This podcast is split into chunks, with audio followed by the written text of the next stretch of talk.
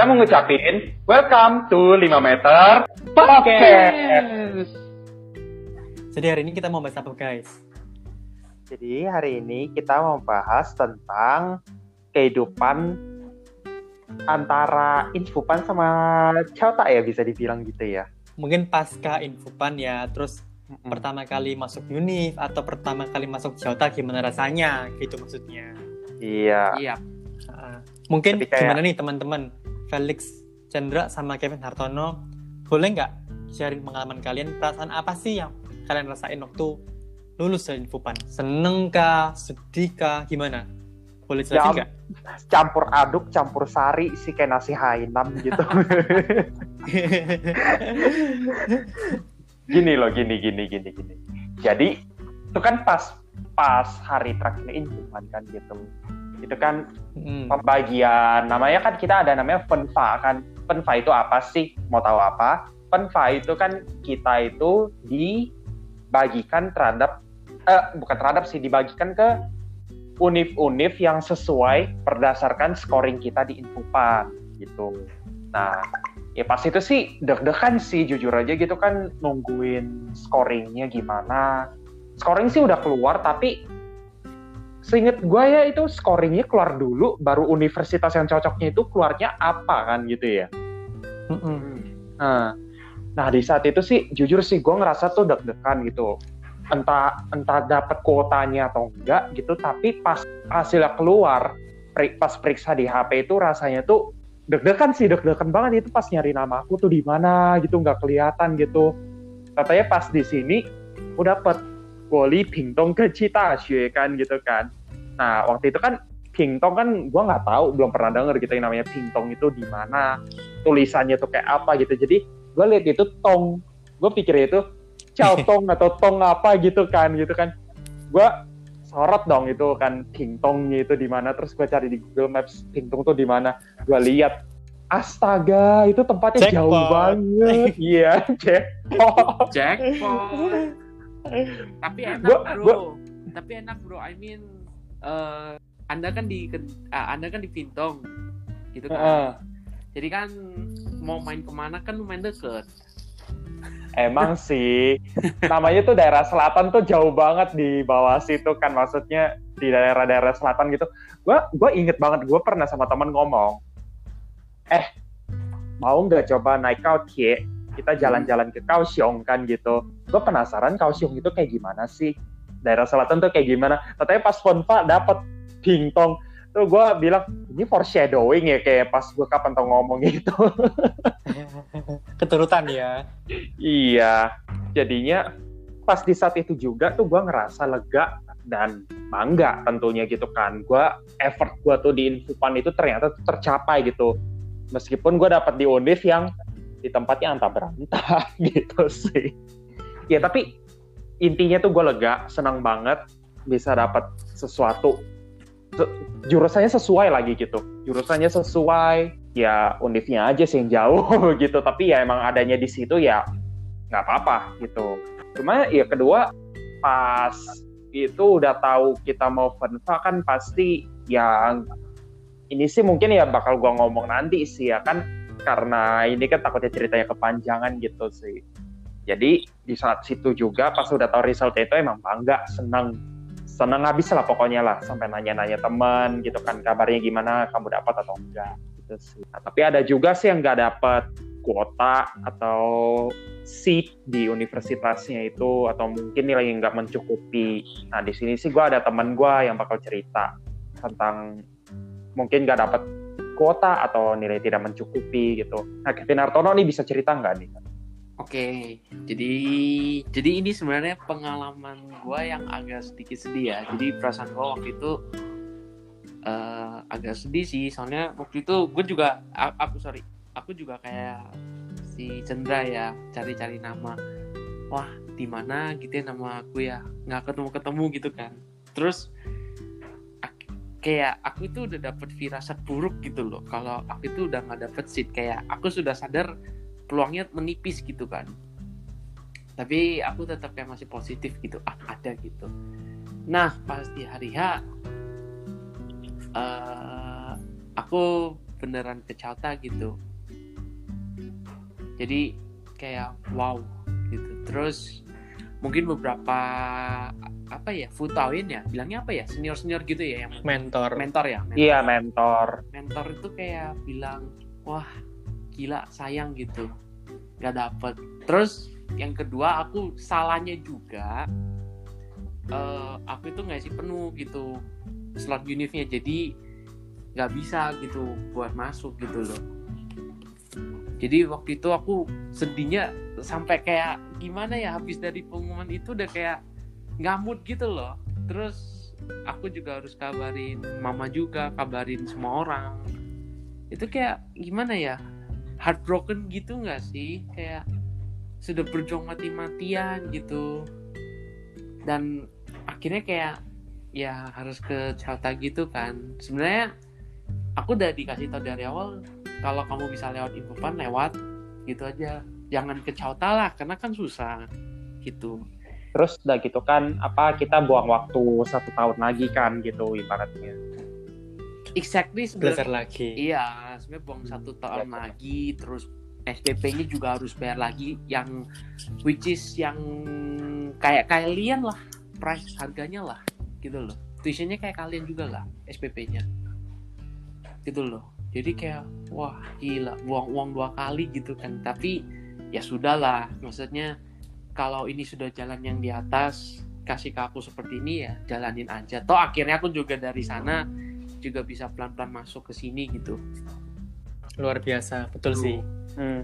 semua tuh di atas yang ngatur lah ya. Kita manusia nggak bisa ngatur apa kehendak kita kan ya. Iya gitu loh. Apa yang kita mau belum tentu bisa kejadian gitu loh. Jadi betul. di diikutin aja gitu loh. Toh dari Chauta aku juga merasakan banyak perubahan gitu sebenarnya jujur aja sih waktu aku di Chauta itu agak sedikit tertekan sedikit karena aku juga harus dapet place gitu juga harus dapet kotanya gitu kan. Dan saingannya itu juga berat-berat gitu loh. Dan aku itu sadar posisiku juga nggak aman lagi gitu. Cuma mungkin yang di atas memberikan aku jalan dan aku bisa masuk ke univ yang bisa dibilang top 2 sekarang untuk science and technology itu udah wow ya speedless gitu Bangga sih ya, bangga. Akhirnya tercapai juga gitu loh. ya you got what you deserve lah ya anggapannya ya hmm, betul Hmm. banget gitu oke nih nggak usah sedih-sedih nih ya aku mau nanya nih Heeh. hal apa yang bakal kalian yang kalian miss gitu selama infopan wow udah lulus kan Heeh. terus apa sih yang kalian kalian rindukan dari infopan makanan Ya pertama ya. sih apa ya ngomong makanan sih iya makanan utara sama selatan ya mungkin ada beda rasa gitu ya. iya betul betul. Beda banget beda. Kalau kalau menurutku di utara itu porsinya lebih banyak ya. Kenyang. Lebih kenyang. Kalau bisa dibilang sih porsi utara itu rasanya itu loh lebih entah kenapa gue ngerasa itu kalau daerah utara itu opsinya itu lebih banyak aja gitu karena mungkin emang daerah kosmopolitan juga sih ya orang-orang luar kan di daerah utara lebih banyak dibanding daerah selatan gitu. Mm-mm. Nah, cuman selatan itu kan emang pas sudah datang ke selatan ya itu emang benar makanannya itu emang sedikit beda karena emang benar-benar ngerasain apanya apa tuh makanan Taiwan itu apa gitu loh. Ibaratnya benar-benar ngerasain makanan Taiwan yang asli. Jadi datang-datang ke selatan itu gua pikir Mm-mm. loh emang utara sama selatan Taiwan itu ada perbedaan budaya ya. Tapi setelah gue periksa lagi, ya emang karena emang utara Taiwan itu lebih kosmopolitan, jadi opsinya tuh lebih banyak kebanding selatan gitu. Pengecualian Kaohsiung ya, pengecualian Kaohsiung. Kalau Kaohsiung memang mirip Taipei sih soalnya. Dia kan kota gede. Mm-mm. Tapi untungnya sih Pingtung sama Kaohsiung itu kan nggak seberapa jauh gitu. Jadi ya mungkin ini yang mungkin bisa dibahas nanti lah gitu. Hal kedua yang gue rinduin itu, itu teman-teman Infopan. Kita tuh ketemu teman-teman Indonesia yang dari beda tempat, tempat-tempat berbeda gitu, daerah-daerah yang beda gitu. Kita udah hahaha hihi apa, ya tapi ujung-ujungnya misah gitu kan. Jadi di sini nih yang mau gue continue dari pertanyaan pertama tadi ya perasaan itu. Sedih sih sedih. Gue gue tuh gue tuh jujur gue nggak suka gini loh. Kalau gue tuh udah ngebangun satu persahabatan lah istilahnya hubungan pertemanan udah kerjasama udah sharing apa ini itu dan ujung-ujungnya itu kita tuh harus misah gitu. Ya kan siapa yang suka sih ya perpisahan tapi kan namanya juga jalannya hidup gitu loh. Kita udah masing-masing ada dapat univ yang sesuai univ yang kita mau ya kita jalanin aja gitu. Tapi minimal ya kita menjaga kontak aja kita masih saling kontak gitu. Dan bersyukur sih gue masih ada kontak sama kalian pada masih ada teman-teman gitu. Jadinya ya meskipun tempat gue jauh pun juga gue nggak ngerasa kesepian karena gue ada teman curhat juga. Tapi Felix pernah denger nggak sih ada quotes namanya di situ ada pertemuan pasti ada perpisahan. Dalam ya dalam Betul itu. Dalam. ada pertemuan ada perpisahan emang sih ya contohnya aja Iya. kayak sekarang gitu ya fast forward ke sekarang aja gitu gue tuh dari Pingtong ke Jakarta balik lagi ke dunia kosmopolitan Dari pedesaan sampai ke kota Iya. lagi ya. 4 tahun gitu kan 4 tahun udah di desa gitu kan jadi anak desa dan pas gue balik ke Jakarta tuh gue nyampe di Jakarta. Dan gue ya balik ke Jakarta nyampe di Jakarta lah tentu lah. Masa nyam, balik ke Jakarta nyampe ke Surabaya kan jauh banget. Ya gue balik ke Jakarta dan gue sampai di kamar gue gue tidur dan entah kenapa tuh bayangan-bayangan gue di Pingtung tuh masih ada. Orang-orangnya lah yang udah pernah ngobrol sama gue teman-teman gue lah siapa pun itulah. Jadi pas gue duduk di tempat tidur gue gue mandang pintu. Andai itu pintu gue buka gue bisa kembali ke Taiwan tapi sayang ini bukan dunia Doraemon coy. Jadi jadi ya gue tetap aja sih ya balik lagi ya. Namanya ada perpisahan ada pertemuan dan ada perpisahan lagi gitu. Mm-mm. ya dynamic hidup gitu sih tapi intinya progres aja nikmatin aja gitu sih. Cuma ya balik betul. balik lagi sih ya yang pas gua dari infopan itu kan untung-untungnya itu iya sih yang penting komunikasi aja gitu. Gua sama teman Pingtung masih ada komunikasi gua sama teman-teman Taipei masih ada komunikasi gitu. Intinya jarak itu nggak bakal valid kalau misalnya kita tuh masih ada komunikasi. Intinya komunikasi aja gitu. Contohnya aja sih pas pertama gue nyampe Pingtung aja tuh gue tuh masih kontak-kontak teman sama teman gue yang lain lah sama eh, mentor kakak Tina gitu Putayen gitu ya bahasa Mandarinnya. Iya. mereka ada tanya tempat kamu gimana? Aku tahu kok kamu dapat Pingtung tempatnya jauh banget kan. Ya nggak usah ditanya jauh banget Pingtung. Ujung selatan tempatnya jauh ya jauh banget. Emang jauh tapi ya begitu itu intinya komunikasi lah mungkin orang-orang udah pada dengar kalau seberapa jauh seberapa jauh jaraknya kalau komunikasi masih tetap ada ya tetap dekat rasanya gitu Betul betul. Setuju setuju. Setuju banget gua. Oke, oke, oke. ya begitu sih inti gua gitu Tapi kayak gini nih, apakah pandangan kalian terhadap Taiwan, sekolah di Taiwan itu sama nggak sih waktu pertama kali kalian masuk minggu pertama nih setelah lulus dari Infopan ya? Mungkin Uh-uh. kalau si Felix kan masuk ke Bingketa langsung kan ya? Hmm, Eh, ekspektasinya sama dulu waktu di Indo gimana nggak sih? Sama nggak sih? Apakah kayak, oh kira-kira temanku bakal kayak gini nih, Eh, sekolahnya bakal kayak gini nih? Apakah sama dengan ekspektasi kamu? jujur gue sama sekali tuh di situ tuh nggak ada bayangan pas pertama kali gue maju ke depan ketemu teman-teman Taiwan gue yang gue tuh sama sekali nggak ada bayangan orang Taiwan itu sifatnya gimana gimana gimana. Gue yang ada tuh cuma ada bahasa gue doang. Pas berapa pas berhadapan dengan mereka langsung gue tuh jujur gue nervous setengah mati. Sampai gue tuh mau bicara keluar aja tuh gue nggak bisa gitu loh. Makanya guru gue tuh pertama kali tanya itu ke gue itu mereka tuh kira gue nggak bisa Mandarin tapi pas akhirnya gue show ya mungkin mereka juga ngerti kali. Gue bisa Mandarin tapi gue nggak nggak nggak seberapa maksimal gitu lah istilahnya.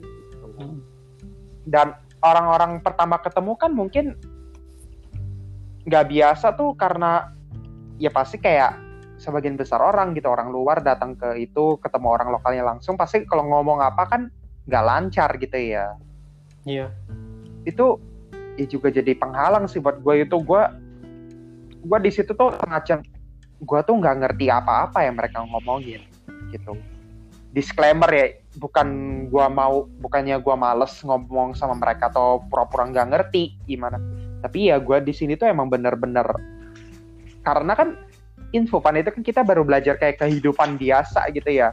Belum sampai ke ranah pergaulan atau apa gitu. Nah di sini sih mungkin Sehari-hari. Nah iya, kita tuh biasanya tuh sehari-hari aja gitu. Belum sampai ke ranah kayak pergaulan atau udah pakai bahasa-bahasa yang tambahan lainnya lagi itu. Di situ tuh yang gu- gua bener-bener sopul ya lah istilahnya nggak tahan gitu. Tapi ya beruntung aja sih ada beberapa teman bisa bahasa Inggris. Ya gua perlahan-lahan mulai dari mereka ngobrol-ngobrol. Pertama emang pakai bahasa Inggris, tapi lama-lama mulai switching ke Mandarin gitu dan akhirnya di situ ya belajar. Gak gampang sih, tapi ya pertama masuk universitas itu emang banyak cerita. Kalau misalnya itu hmm, gimana ya? Orang-orang itu banyak penasaran ke gua tuh gimana gitu. Tapi ya minus poinnya di sini karena kan info karena kan kita hanya belajar di sekitaran bahasa sehari-hari keseharian harian gitu. Sedangkan kita langsung dicemplungin langsung ke lingkungannya itu lingkungan pergaulan orang Taiwan, akademiknya seperti apa. Nah di situ ya kagok jujur. Tapi ya perlahan-lahan belajar aja sih, perlahan-lahan bicara keluar gitu. Ya ini skit Betul sih. eh, sekitaran di sini sih maksudnya kalau pertama langsung masuk ke Udif tuh gimana gitu dan emang nggak ada persiapan kita tuh kayak infopan selesai itu kayak kita ibaratnya tuh langsung dilepas just langsung masuk ke oke lu di Taiwan lu sesuaiin sama mereka gimana cara lu itu jalan lu gitu ibaratnya kayak gitu Betul sih. Kalau aku boleh nambahin, aku punya teman-teman juga kan. Mungkin aku pernah cerita juga ya. Teman-temanku tuh nggak ikut infopan. Jadi mereka tuh eh, direct apply ya ke sebuah sekolah di sana di di, di Taiwan. Mhm. Terus dia itu ambil yang program Mandarin. Mm-mm. Kemudian dia bilang sama aku, waduh aku ini gimana ya? Kayak intinya dia tuh kesulitan gitu loh. Karena mungkin di Indonesia kan mungkin cuma les-les aja pas Mandarin, langsung nyemplung, langsung terjun di kehidupan Taiwan gitu kan. iya Sedangkan betul Heeh. kita sendiri aja yang mungkin masih ikut infopan ya udah ter- tertolong banyak gitu kan. Mm-mm. Masih ada masih aja yang ngerasa mungkin ada pressure, ada mungkin ngerasa depresi, homesick dan sebagainya. Itu kan kita. Nah kalau mereka gimana ya? Kasihan lagi nggak sih? Lebih kasihan lagi ya pasti ya.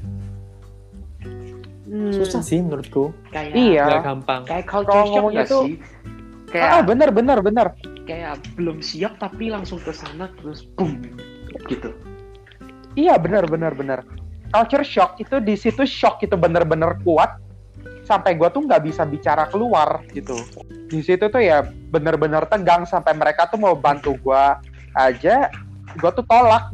Gua selalu bilang nggak apa-apa, it's okay, I can. 我 Watson tahu hoi nah, mungkin mungkin ke, malu takut iya malu gitu. takut iya. takut ada kesalahan atau apa gitu. Cuman ya mungkin ada yang salah paham. Oh ini orang nggak mau dibantu ya udah gitu. Ya mungkin gue menolak karena malu aja gitu. Gue dari negara yang negara yang biasa-biasa aja gitu. Takutnya ada pandangan-pandangan aneh atau apa gitu. Di situ sih emang apa hal yang bener-bener buat gue itu cultural and personality shock gitu ibarat. Kalau KH gimana pengalamannya? pertama kali ekspektasinya ya Yes. jadi eh, by the way aku jurusannya IBM ya jadi ekspektasiku itu pasti English English lecture ya karena aku berpikir di Taiwan itu mulai perlahan ada English lecture gitu kan jadi at least anak-anak lokal tuh bisa berintegrasi dengan cepat dan menurutku oh bisa gitu loh. At least standar aja gitu ya. Karena ini disclaimer eh, aku bukan ngerendahin cuma standarnya seharusnya sudah sesuai universitas punya gitu loh levelnya gitu loh. Itu kan? Oke. jadi aku hari pertama itu masuk kelas. Terus eh, kaget aja gitu kayak ke kayak wah anaknya ada yang bisa ada yang enggak gitu kan ngomong Inggris. Karena itu kebetulan hari pertama memang English lecture gitu kan. Terus kayak wow ini gimana caranya? gitu. Eh, kayak Mandarinku juga pas-pasan kalau aku ngomong pakai Inggris terus ntar juga nggak enak gitu kan ya gitu. Dan apalagi eh, jurusanku itu semua announcement dan lain-lain tuh pakai Mandarin gitu loh nggak ada Inggris. Jadi aku merasa kayak wah gila juga ini. Ini gimana mau memahami gitu kan? Berarti kayak istilah kasarannya ya berarti English lecture itu cuma pelajarannya tapi sistem dan semuanya itu tetap pakai Mandarin gitu loh. Jadi aku baru sadar ketika mau transisi dari tak dari tahun pertama ke tahun kedua gitu. Ya mungkin sih ekspektasiku nggak seperti di awal ya. Cuma ya balik lagi kita kita sudah sampai di tujuan apa yang terjadi ya kita harus adaptasi cepet gitu loh. Walaupun kadang kita merasa kayak gimana ya nggak puas lah merasa dibohongin atau dan lain sebagainya gitu loh. Cuma ya sudah Kayak- gitu loh. Iya. Kayak Ibaratnya kayak semuanya tuh Mm-mm. kayak diterima aja gitu loh udah. Mau apa lagi?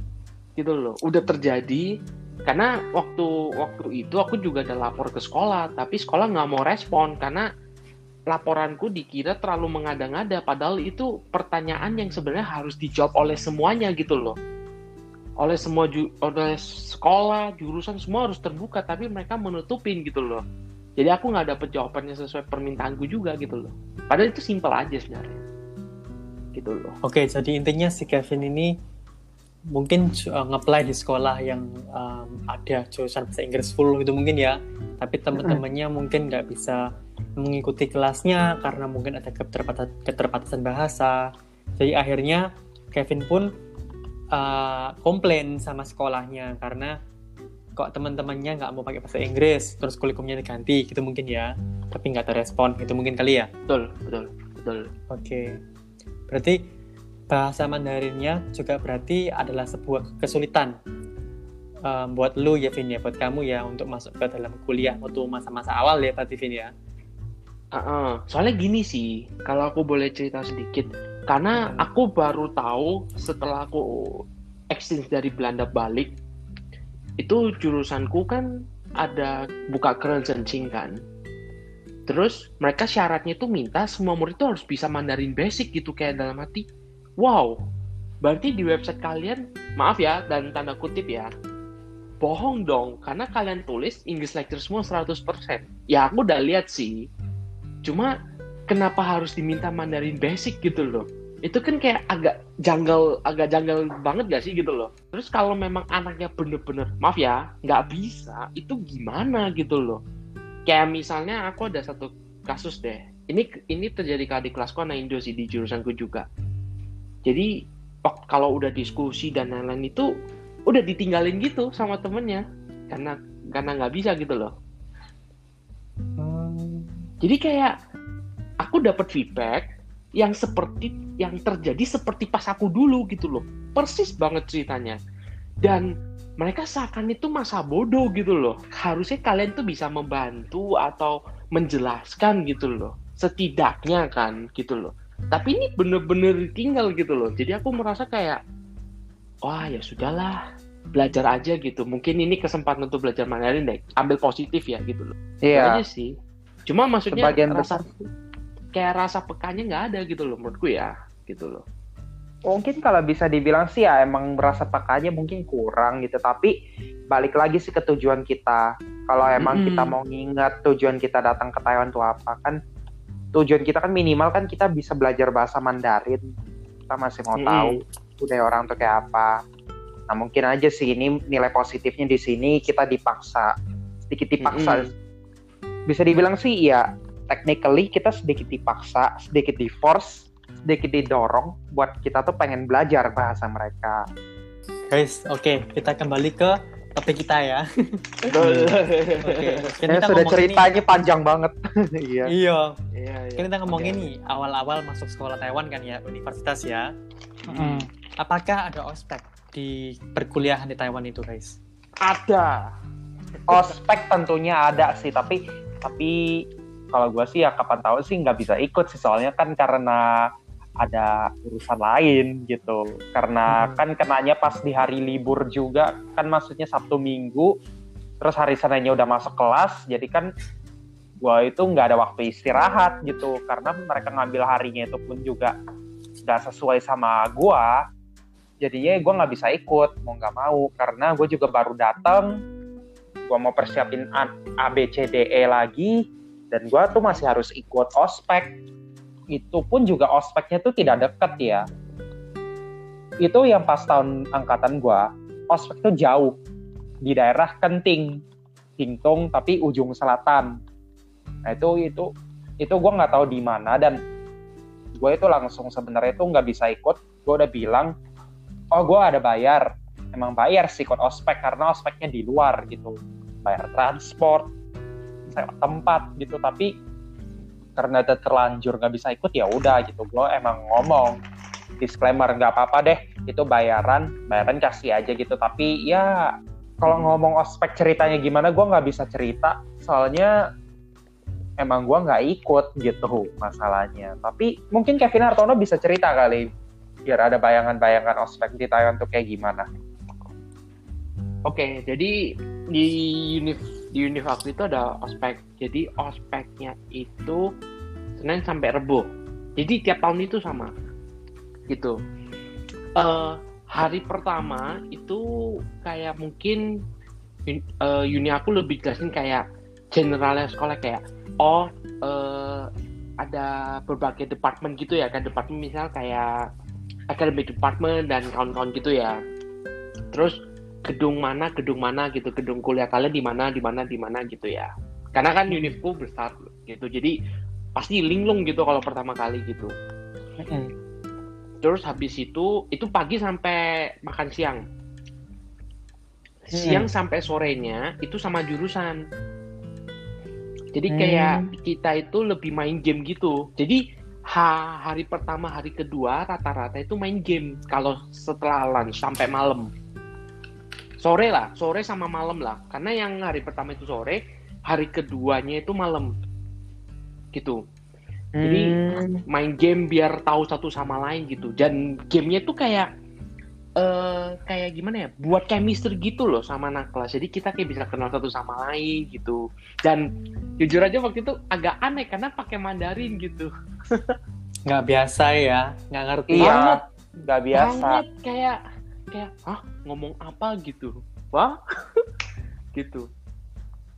Tapi kalau gue sih emang keliling sekolah ada sih ya. Mungkin kalau yang KJ ngomong ospek, gue pikir tuh ospek yang per jurusan tuh keluar atau ke mana gitu. Soalnya kan emang gue ada dua acara, satu acara jurusan yang keluar, satu emang acara yang diwajibin sekolah yang di dalam gitu. Kita keliling sekolah, tahu tempat A, B, C, D, E gitu. Oke ada dua berarti Alexia Mm-mm, kalau di tempat Yang- gue ya begitu. yang dibawa keliling ikut juga nggak Kalau yang keliling sekolah sih aku ikut sih. Gue Boleh ikut itu yang keliling nggak? sekolah. Jujur sih itu ya ya pas saat itu juga pas keliling sekolah mungkin orang-orang pada lihat gue tuh sendirian, kesepian gitu. Gue nggak bisa ngomong apa-apa gitu. Teman ajak ngomong mungkin gue juga nggak bi nggak gitu bisa denger karena bukan nggak nggak ngerti. gitu bisa. Gue nggak gitu bisa paham karena gue nggak ngerti gitu mereka ngomongnya apa. Dan gue nggak berani ngomong keluar karena takut malu sih sebenarnya gitu. Sebenarnya lebih kayak gitu sih. Tapi ya gue mulai pertama ngomong gitu ya pas sama kakak pembinanya di departemen gue dan mereka kaget. Jadi kamu tuh bisa Mandarin gitu. Aku bilang bisa tapi ya gue nggak seberapa banyak yang kalian kira gitu tapi ya mohon Sama, maaf aja gue masih belajar gitu dia Iya kan? kaget Iya, yang pertama yang ngomong sama. gitu ke kakak pembina, kakak pembina jadi ngomong ke gua gitu. Jadi kamu bisa bahasa Mandarin gitu. Oh, lumayan ya gitu. Iya, dan dari Sama sih, situ Lex. juga. Kenapa? Sama-sama. Sama kayak Iya. lu juga sih. Sama kayak kamu juga. Jadi waktu aku pertama ngomong tuh kayak, hah? Anak Indo gitu. Bisa ngomong. Iya. ya, oh gitu mereka. Kaget sih. Kaget. Dan dari Gitu. itu juga, iya makanya kan pada kaget ya Kevin ya. Pada kaget Mm-mm, gitu. Pada kaget. Heeh. Jadi kamu bisa ngomong gitu dan dari situ dari saat situlah gue mulai membuka diri gue ke teman-teman gue ya mungkin gak lancar mungkin masih separuh Chinese separuh bahasa Inggris gitu ngobrolnya gitu tapi ya lama-lama bahasa Inggris itu mulai hilang keganti Chinese juga ya jadinya itu ngobrol kayak biasa sama teman-teman gitu. Lama-lama bisa ya? Lama-lama gaining ground lah istilahnya gitu. Gaining ground. Meskipun gak Berarti- seperfect mereka tapi mereka ngerti apa yang kita bicarain dan kita ngerti apa yang mereka bicarain gitu. Udah cukup banget sih itu ya nggak sih? Benar benar Betul. benar. Kalau dilihat dari tujuan banget. awal kita ke Taiwan kan udah kayak wow ini sudah goals banget gitu kan ngomong-ngomong soal itu ya tadi ya. Ospeknya Taiwan itu sama nggak sih sama teman kayak eh, ospeknya teman-teman di Indo? Misal nih kalau di Indo tuh kan ada yang sampai bangun subuh-subuh pulangnya pagi lagi terus eh, kalau bahasa Jawanya itu apa ya? Dipelonco nih apa itu ya? Mm. dikerjain sama kakak-kakak pembina. Itu ada nggak sih di sana di Taiwan? Di Taiwan itu nggak Oh. ada yang namanya. Di Taiwan nggak ada. Nggak ada sih yang namanya Karena- dikerjain gitu Heeh. Paling kalau dikerjain itu mungkin main gamenya aja ya. Cuma nggak sampai apa kayak football atau gimana itu enggak.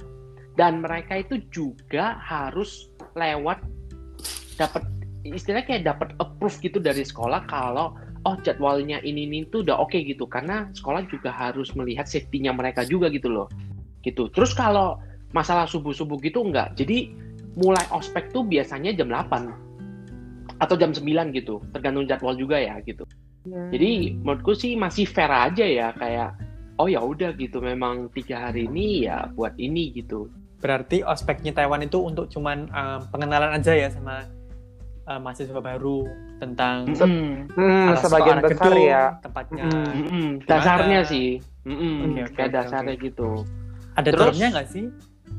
Kalian yang Kenapa? Ada dormnya nggak sih di sekolah? dorm sih ada. Gue tentu ada dorm di dalam. Tapi masalahnya gini ya di Taiwan kan nggak setiap sekolah menyediakan dorm di lingkungan sekolahnya. Ada yang tempatnya tuh terpisah gitu. Kalau tempat lu contohnya gimana? kayak contohnya kayak host kita ini ya. Host kita ini kan di sekolah itu tidak tersedia bangunan asrama Sebenarnya gitu ya, Kak? ada, cuman terbatas sih. Jadi mungkin kalau sekolah aku itu lebih memprioritaskan anak-anak maba tahun pertama sama anak-anak dari daratan. Itu dapat dorm. Itu. Hmm. Kalau anak luar kayak aku gini harus ngekos di tahun tahun kedua. Jadi tahun pertama waktu maba dapat dorm, kemudian tahun kedua harus pergi, harus cari kos. Gitu sih. wah sakit sekali Sakit sekali. Betul uangnya sakit sekali. Emang Terbakar sih uang ya. gue. Mm-mm. Kalau Kita- kalau Unifkus kalau kalau Unifkus sih sebenarnya ada dom. Cuma banyak yang komplain, banyak debu. Jadi tiap kali masuk sebelum masuk dom itu kita harus kayak tes X-ray gitu-gitu loh. ibaratnya sih itu kayak kita semua tuh sorry ya motong ya Hmm, nggak apa-apa. kayaknya kita semua berdua deh terutama gitu ya kalau tiap Mm-mm. kali masuk dorm itu pasti suasananya tuh kotor bukan kotor yang gimana Iya. kotornya tuh banyak debu gitu ya Kevin ya Betul kayak banyak debu terus apa ya? Maaf ya, ini disclaimer karena aku melihat dengan mataku sendiri waktu itu. Jadi toiletnya tuh kayak dibersihinnya tuh cuma asal-asalan gitu loh. Karena toiletnya eh, toiletnya kan sharing. Wah, kaget aku. Kenapa? Gitu. Kok kaget? Ya banyak itulah, aku nggak boleh nyebut di sini lah. Oh, kotoran-kotorannya. ya Iya. banyak Yang dibersihin ya, di flash. eh, Betul. emas emas lah istilahnya gitulah emas Golden emas egg yang ya. Iya. itulah Iya, golden egg itu. Jadi gini, kalau bicara tentang dorm itu kayak gimana? General sih ya, dorm kita berdua. Dorm cowok, dorm cowok ada. Dorm cewek, dorm cewek ada. Yang nggak ada tuh dorm bencong itu nggak ada. ya, dorm bencong tuh nggak ada. Dorm cowok dan dorm cewek tentunya. Dan itu Jadi nggak koet ya. bisa. Nah, Sendiri-sendiri. iya, Per gender. Oke. sendiri-sendiri. Sekamar itu pun orang sendiri-? Eh, bo- boleh tambahin gua? Boleh, boleh. Jadi gue lanjutin ya. Dorm cewek, dorm cowok. Nah, itu dorm cewek sama dorm cowok dibagi dua lagi. Ada dorm untuk anak lokal dan dorm untuk anak internasional. Dan sebagai gue nih, kalau gua kan emang chosen gitu ya chosen emang diklasifikasikan sebagai orang-orang overseas orang-orang internasional nah itu digabunglah sama orang-orang internasional lainnya yang dari Afrika Amerika Eropa itu digabung di satu dorm sedangkan dorm untuk orang-orang Taiwan dipisah sendiri itu Asik ya? juga yang cewek Mm-mm. Hmm. lumayan sih dan dan uniknya itu di tempat gua itu dorm internasional kalau masih ada ruangan kosong itu anak-anak Taiwan pun juga boleh nempatin di situ jadi nggak cuma orang internasional doang gue juga ketemu orang-orang Taiwan juga begitu. Jadi komunitasnya bener-bener gue tuh bisa ngomong Mandarin bisa ngomong bahasa Inggris atau bahkan bisa belajar bahasa-bahasa mereka kayak bahasa Vietnam Prancis gitu. Hmm. seru eh, pokoknya. Kalau dulu kalian si Felix dulu kali ya sekamar berapa orang terus kemarin sempat sekamar sama orang mana aja? Sekamar sih empat orang ya isinya ya. Bed empat, di bawahnya tuh kondisinya gini loh. Eh, satu kamar tuh isi empat orang, bed di atas, meja belajar di bawah, tangganya di tengah-tengah. Dan itu tangganya di tempat gua itu dua step yang tangga vertikal sama dua step tangga yang tangga kayak biasa. Jadi naiknya tuh enak, nggak gitu sakit gitu. Buat orang-orang yang mau masuk NPST, nih boleh tahu aja nih ya informasinya kalau misal tempat tidurnya itu kondisi kayak gimana gitu, tenang aja tangganya itu enak buat di, buat dinaikin, buat dipijak gitu lah istilahnya. Bahkan buat mau buat duduk-duduk pun juga bisa di tangga gitu, nggak sakit karena tangganya bentuknya tangga biasa, bukan tangga vertikal yang satu bar satu bar gitu, itu nggak bisa. Hmm. Terus untuk sistem elektrik yaitu pakai kartu namanya kartu apa ya namanya kartu AC Lengcika Hmm. istilahnya gitu. Ya. Lengcika. Kita itu Hmm. bisa isi entah itu seribu maksimalnya. Kuotanya itu ada yang seribu, ada yang 500 maksimalnya. Nah, kita itu biasa Hmm. pilihnya 500 aja karena emang lebih murah gitu. Tapi mau beli seribu juga nggak apa-apa sih. Seribu kan mungkin bisa dipakai lebih lama atau Mm-mm. orang-orangnya lebih ba- lebih banyak bukan orang-orang yang lebih banyak orang-orang mau pakainya per orang tuh lebih lama lebih ya mau dipakai lebih lama juga bisa. Dan itu pun juga bisa dipakai buat masak-masak di dapur. Nah ini gue belum cerita nih. Unit gue itu dormnya itu emang ada dapur. Tapi yang agak disayangkan nih kondisi dapur di unit gue itu dapur dorm ya maksudnya bukan dapur unit ya dapur dorm. Dapur di asrama itu kan karena masing-masing orang itu kan satu penduduk asrama itu yang pakai, jadi kondisinya itu tidak gitu bersih. Karena rata-rata orang-orangnya juga malas ngebersihin sih, jadi ya no comment lah itu yang masak kan mereka-mereka kan karena gue juga nggak masak. Gue sering beli di luar atau di kantin sekolah. Nah di situ mau buat masak itu kartu AC pun juga bisa dipakai buat di situ karena pakai kompor elektrik. Sekamar sama temen-temen gue dong.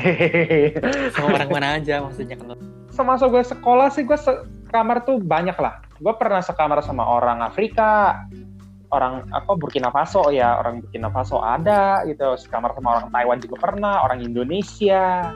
Tapi ya lebih banyak sih sekamar sama orang Indonesia gitu sebelum akhirnya gue mutusin buat pindah. Karena mungkin kan sekalian bukan mutusin pindah tuh karena gue benci mereka enggak. Sama sekali enggak ada ya disclaimer ya. Gue tuh sekamar sama orang Indonesia kan udah lama banget dua tahun. Dan gue tuh pengen nyari suasana yang baru. Suasana yang gue penasaran sama orang luar tuh gimana sih sekamar tuh gimana kehidupan mereka tuh gimana. Bukannya gue kepo ya nyari tahu hidup mereka tuh gimana gimana gimana. Karena ya gue pengen tahu aja gitu kalau tinggal sama orang ya gimana ya maksudnya bukan tinggal sama orang sih maksudnya sekamar sama mereka gitu bisa ngobrol antar budaya tahu budaya mereka gimana bisa belajar bahasa juga kan gitu kan. Kalau sekamar sama orang Taiwan tuh why not gitu kalian belajar Mandarin biar Mandarin nggak lupa gitu. Karena kan balik lagi kita kan ke Taiwan selain belajar pelajaran yang kita suka dan juga belajar Mandarin sedikit-sedikit. Minimal sampai 50-60 persen lah gitu. Bisa. Tapi ya gue tertarik sekamar sama orang yang beda negara. Mau sekamar sama orang yang dari Burkina Faso pun juga nggak apa-apa gitu kan. Karena mereka emang belajar bahasa Perancis. Oh kebetulan gue suka bahasa Perancis gitu. Ya udah nyaring lo gitu betul betul betul Betul. Oke. Kalau Kevin gimana nih, Vin? di dorm Ah, apa di ini? sekolahmu ada kam- eh, di kampusnya ada dorm nggak di kampusku ada dorm terus eh buat S1 sama S2 itu dipisah dormnya jadi eh, kalau S1 itu satu kamar berempat terus eh, roommate-nya itu teman kamarnya itu disesuaikan dengan jurusannya jadi supaya bisa lebih akrab gitu mix Gitu. berarti ya Ah, terus habis itu ya sama seperti Felix sih kurang lebih gitu. Kita juga ada kartu AC, tapi kita nggak nggak ada dapur buat masak gitu. Jadi dapur masaknya itu khusus buat anak-anak master, PhD gitu sih. Karena mereka dikasih kunci tambahan gitu. Jadi kita itu kalau masak nggak boleh sebenarnya kecuali ya masak diam-diam sih. oke Atau jatuhnya lebih bersih ya Gitu. jadinya ya.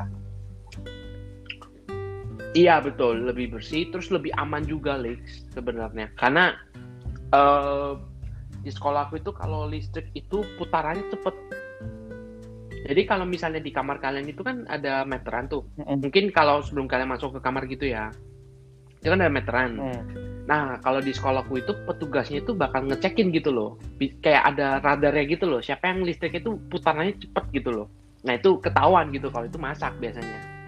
Hmm, boros Gitu. boros maksudnya boros Iya. Boros gitu.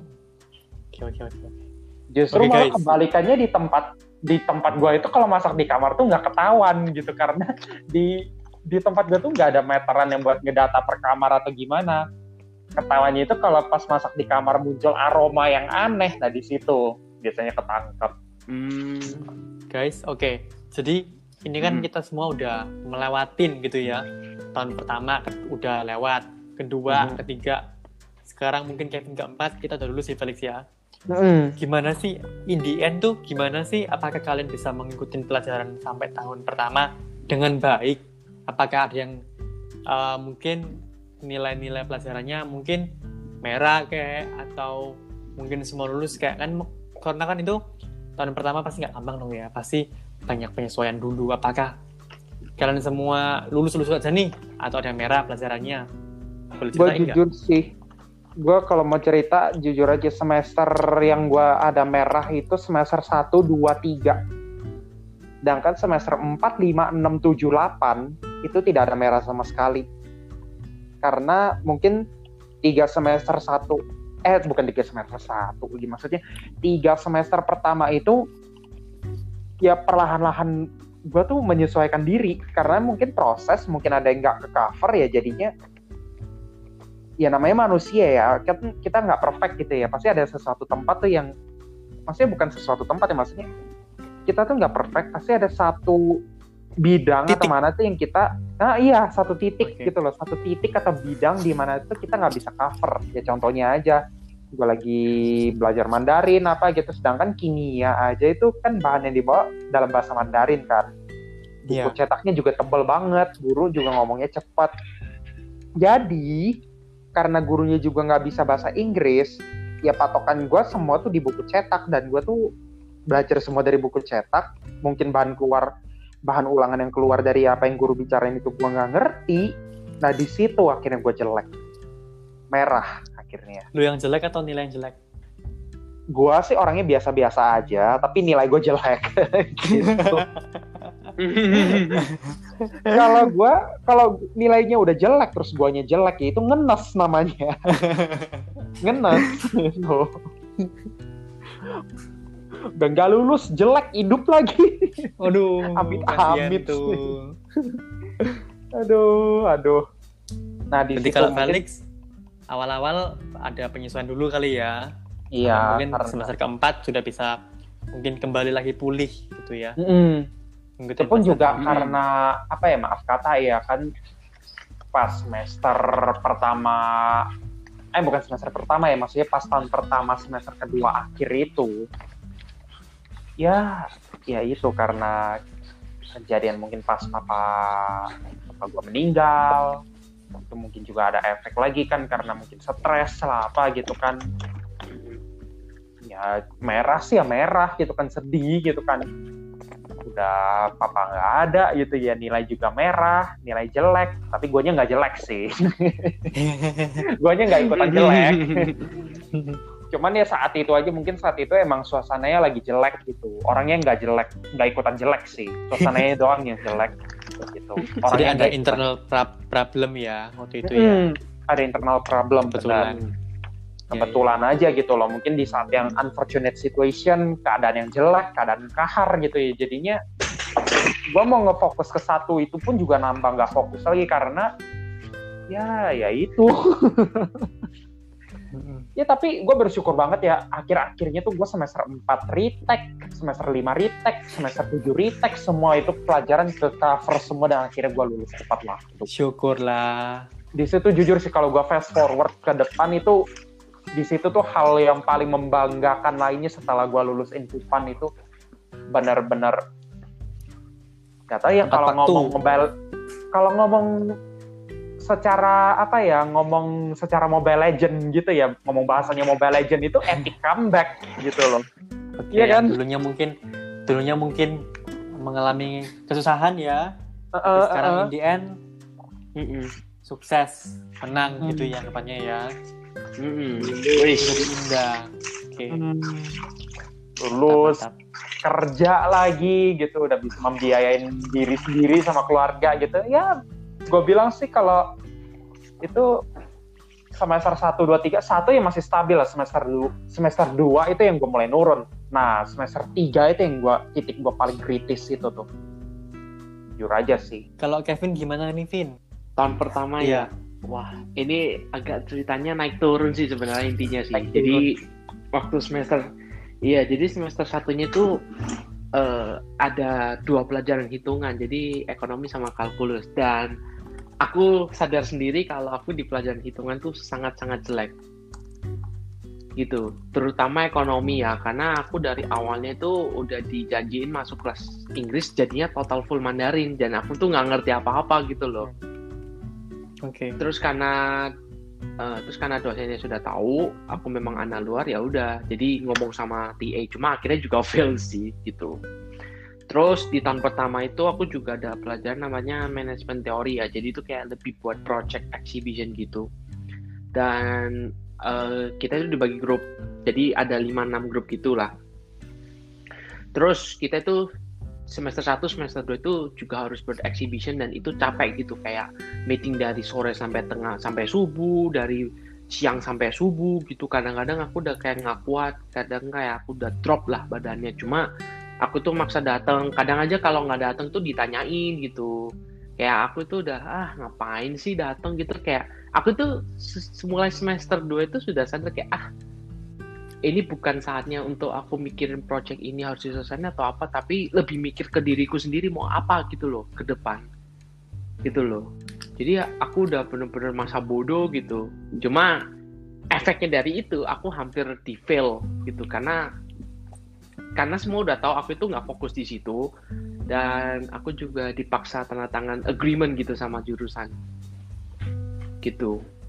Jadi agak lumayan sedih sih. Jadi ya naik turun sih gitu. Tapi akhirnya ya aku sudah sadar sendiri harus gimana harus improve diri sendiri ya udah gitu. Banyak berdoa lah intinya lah. Kalau kita bener-bener down banyak berdoa lah. Itu aja sih intinya. Jangan patah jangan patah semangat lah. Intinya kita kalau enggak kalian iya maksudnya kalau enggak kayak gimana ya kalau kalau enggak ya ya udah gitu. Kalian udah drop gitu sedih sendiri ntar ya begitulah. Maksudnya iya sih gue jujur aja kalau bisa dibilang itu yang pas semester 3 itu ya kayak Kevin ngomong Kevin Artono ngomong tadi sih kalau berkaitan dengan apa ngomong jangan putus asa gue jujur loh semester 3 gue tuh gue hampir putus asa gue depresi berat di situ tapi iya kalau emang putus asa apa gunanya gitu ya enggak sih Betul harus bangkit. Mm. Mm-mm. kita udah nge- kita udah ngelewatin masa susah itu mungkin ada kesempatan bakal bangkit ya masa kita mau putus asa habis itu udah gitu itu gua rasa sih malah memperburuk keadaan sih itu bukannya udah buat suasana makin jelek itu juga ikutan buat diri kita jadi jelek juga bahkan muka kita juga ikutan jelek gara-gara itu Oke Nah. nih, pertanyaan terakhir guys. Hmm.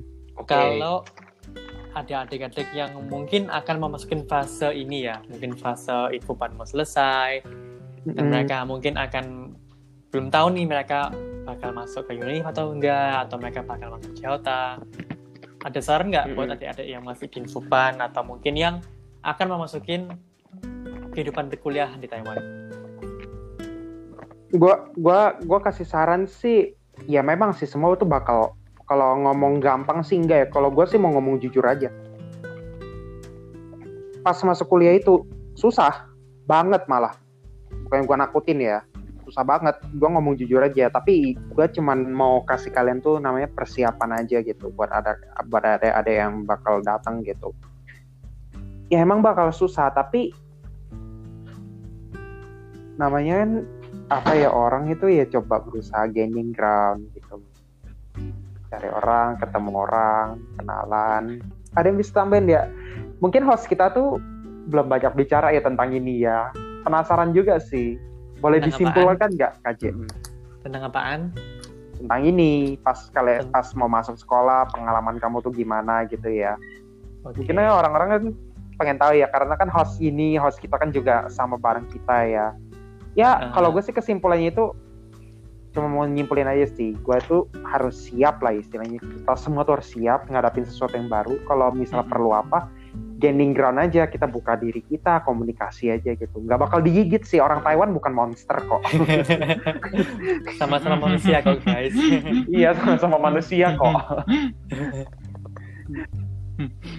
Iya, Kalau- mungkin orang-orang penasaran sih KJ itu kayak gimana persiapan masuk unitnya itu. Mungkin KJ bisa jabarin dikit sih. Kah dulu aja deh. Nanti aku KH, sambil KH closing dulu lah boleh lah. Heeh. Kalau kalau aku sih mungkin kayak eh, kalian sudah harus punya rencana yang matang ya. Kayak kalian misalnya mau masuk univ ini, jurusan ini gitu. Tetap kalian stick on the plan. Tapi kalau benar nggak masuk, kalian harus plan B karena kalau kalian tetap ngefokus di situ terus tuh bahaya gitu loh. Terus yang kedua, kalian kan udah ke Taiwan nih, misal ini buat adik-adik ya udah ke Taiwan, kalian harus ingat tujuan kalian apa gitu loh. Pasti Indo. Jangan sampai kalian udah di sini jadi buyar semua gitu loh. Mentang-mentang keluar negeri ya. Mentang-mentang keluar negeri ke Taiwan iya. tuh ibaratnya jangan songong. Gak keluar negeri Mm-mm. masa nganeh-nganeh di sono gitu. Mm-mm. Mm-mm. Gitu. Oke. Gitu sih. Harus manfaatin ya maksudnya ya. Betul, betul. Oke, iya, oke, karena oke, kan oke. gak ada second chance lah. Ya. Kita nggak ada second chance juga sih. Oke. Mungkin aku menjawab pertanyaannya Felix. Iya. aku mungkin cepat balesnya ya. Mungkin cepat cepat ngecovernya dulu ya pertanyaan-pertanyaannya ya. Mm-mm. Kalau dari aku dulu tuh aku masuknya dari Infopan langsung lulus ke salah satu universitas di Taipei waktu itu. Jadi aku waktu itu Hmm. em, salah cuman satu orang aja sih, satu-satunya orang yang dari Infopan lulus ke masuk ke sekolah itu, namanya Suzhou University. Jadi dia ini Mm. dikit banget sih anak induknya Indonya, cuman Hmm. berlima aja waktu itu dan aku cowok sendirian. Sedangkan senior-seniorku tuh udah mereka nggak ada yang ngedorm, mereka semuanya tuh di kos semua gitu kan, kebanyakan. Mhm. Habis itu kan aku sebagai cowok itu kan gimana ya susah dong kayak mau bergaul sama siapa gitu kan sama masa sama Iya. senior sendiri yang saya pasti mereka juga ngerasa apaan Hmm. sih gitu kan apalagi mereka juga sibuk Hmm. sendiri-sendiri dan tempatnya juga jauh gitu kan Mhm. tapi aku juga cukup bersyukur sih karena aku punya kepribadian itu yang nggak nggak membatasin pertemanan sama gender gitu kan. Jadi kayak aku mau teman sama cowok bisa teman sama cewek bisa dan nggak ada masalah gitu kan. Aku pun juga orangnya walaupun aku tuh awal-awal tuh Mandarinku juga nggak seberapa bagus ya. Teman-teman Ah. Taiwan pun Mm-mm. pertama kali denger ad- ada orang dari Indo langsung dicari mana mana mana dikerumunin gitu kan. Aku dulu sampai Hmm. takut gitu. Tapi ya aku justru seneng sih karena mereka ada apa namanya hauchi itu kayak curious gitu loh mereka curious loh apa Taiwan apa orang Indonesia itu kayak gimana budayanya kayak Mhm. gimana kehidupannya kayak gimana. Dan walaupun aku dulu mungkin sering-sering minder ya sering-sering minder sering-sering nggak percaya diri sering betul kayak tadi Felix bilang. Ada teman Taiwan itu mau nawarin aku bantuan gitu kan ya. Tapi kayak aku ah nggak usah. Nggak usah nggak usah aku bisa kok. Sebenarnya dalam hati aku tuh mungkin membutuhkan ya cuman Hmm. karena aku tuh nggak mau ngerasa merepotkan orang lain dan juga Iya. karena Mandarinnya aku kurang pede waktu itu jadi kayak aku nggak mau membuat orang itu terkesan ngerasa oh my god Mandarinmu jelek banget kamu ngapain sih ke Taiwan gitu tapi surprisingly nggak ada orang kayak gitu sebenarnya ya dari kalau dari Beruntung pengalamanku sih. ya Betul. Heeh. Mhm.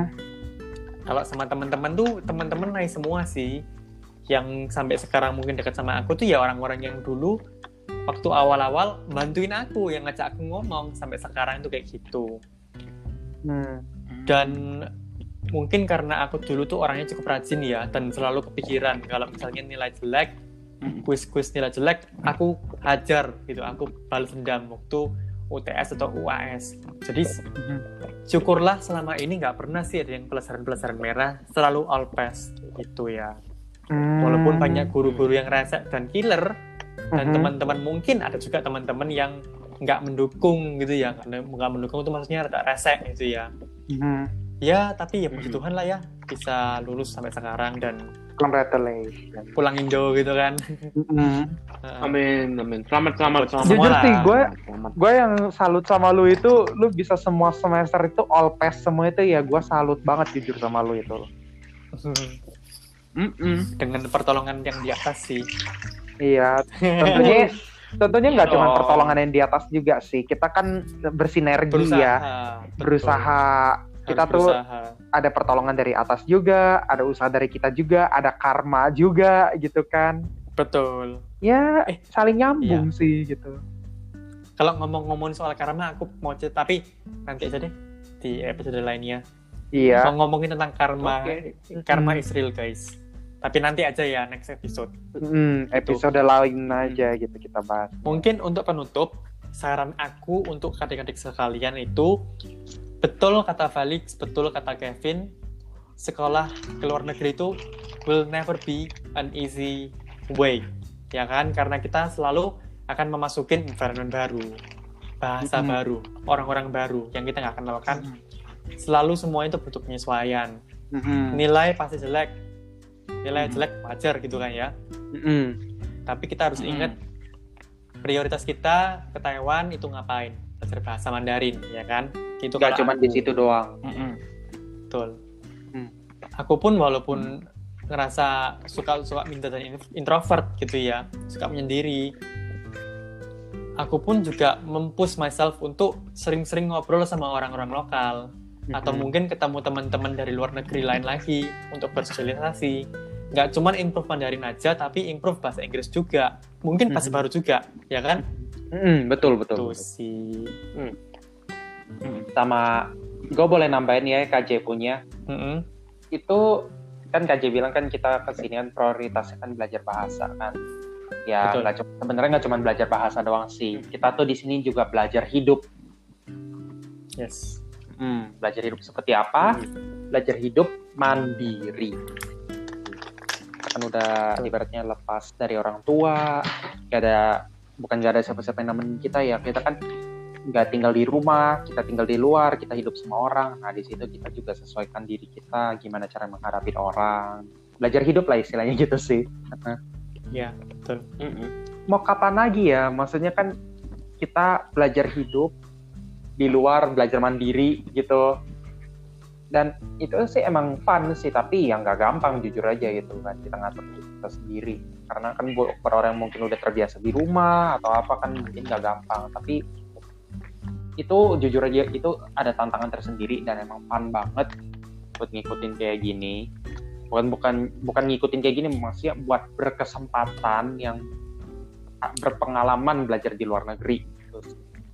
Intinya itu nggak semua nggak cuman buat orang yang baru masuk aja, buat semua orang yang mungkin lagi saat lagi pas belajar, lagi semester 1, 2, 3, 4 atau bahkan ya mungkin ada yang YNP gitu ya, masih telat lulus atau yang mau, baru mau masuk univ gitu sih ini ya mungkin pelajaran bayangan dari kita gitu. Betul. sharing lah istilahnya Oke guys, kayaknya udah cukup sih waktunya udah lebih-lebih. udah sejam lebih. Oke, aku tutup hari ini. Thank you Iya. guys for Hmm, boleh, listening to our podcast, our fifth podcast ya. Ditunggu lagi episode kita berikutnya. Live as a biotech student. Ditunggu ya guys. iya Mm-mm. Thank you tunggu for episode listening, kita berikutnya guys. buat cerita-cerita yang lebih lanjut dan iya deh. listening See you on 5 meter podcast.